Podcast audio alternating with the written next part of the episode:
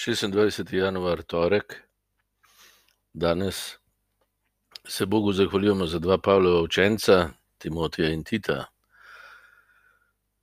Včeraj smo videli, da eh, odkriješ kot kristjan po krstu, da si najprej preganjalec Kristusa, tako da preganjaš brate in sestre, se pravi, so ljudje. Pa če se zjutraj ne zahvalim zase kot za božji dar, sem tudi preganjalec Kristusa. Torej, to je, se mi zdi čudovito, ker Kristus pokaže, kaj je božja ljubezen in se izenači z nami. E, kakor sem do sočloveka, tako sem tudi do njega.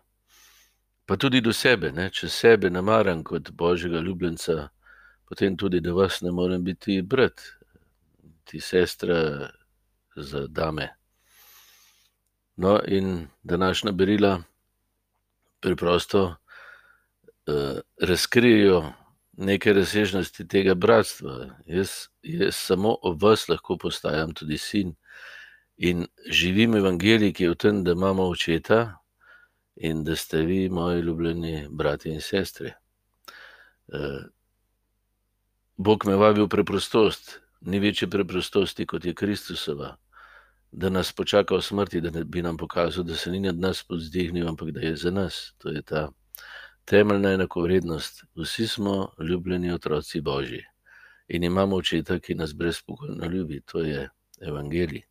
Iz tega lahko zajemamo ali pa ne. Timotej in Tit, Pavel, oba spodbuja, da se tega učita vedno znova, da poživite dar, in ta dar je to, o čemer govorim. Je ta bratska ljubezen in zvestoba. Zvestoba v Kristusu je ljubezni do vsakega izmed nas. To je edina zvestoba, ki ne pade in lahko stoji. Vse drugo pa zlahka pride zraven.